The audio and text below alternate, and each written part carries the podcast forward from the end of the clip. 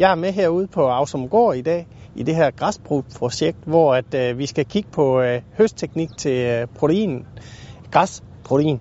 Og øh, det vi står på nu, det er lageret herhjemme, hvor vi skal prøve at øh, have taget prøver af det her græs, som vi har høstet. Øh, lige nu der står vi ved øh, stakken her, som opsamlervognen er kommet hjem og læsset af. Og noget af det, vi gerne vil kigge på, det er jo, hvordan den her opsamlervognen kan anvendes til at, at bjerge græsset med. Hvor meget bearbejder den græsset øh, i forhold til, at øh, det ikke tager varme og dermed øh, kan nå at komme i bioraffineringsanlægget i, i tide.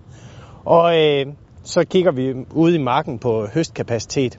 Noget af det her græs, som øh, er blevet bearbejdet relativt hårdt af, af rotoren i, i opsamlervognen, mens der er noget af det, som, som ligger her, som er, er nærmest helt, øh, helt græs.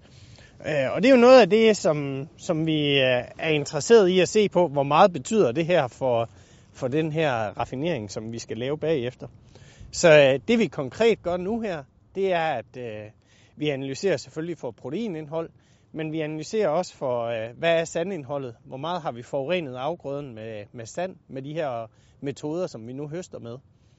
Øhm, og så skal vi jo så efterfølgende øh, se på, jamen, hvad betyder det for vores øh, køreskade ude i marken, øh, om vi kører med et øh, 10 meter sæt, eller vi kører med et øh, 2,5 meter sæt.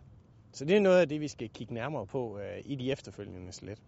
Øhm, nu skal jeg prøve at have, have taget en prøve her, som øh, vi, øh, vi sender til Geofins i forhold til at få øh, lavet en laboratorieanalyse af både råprotein og fordøjelighed og for så vidt også øh, sandindhold.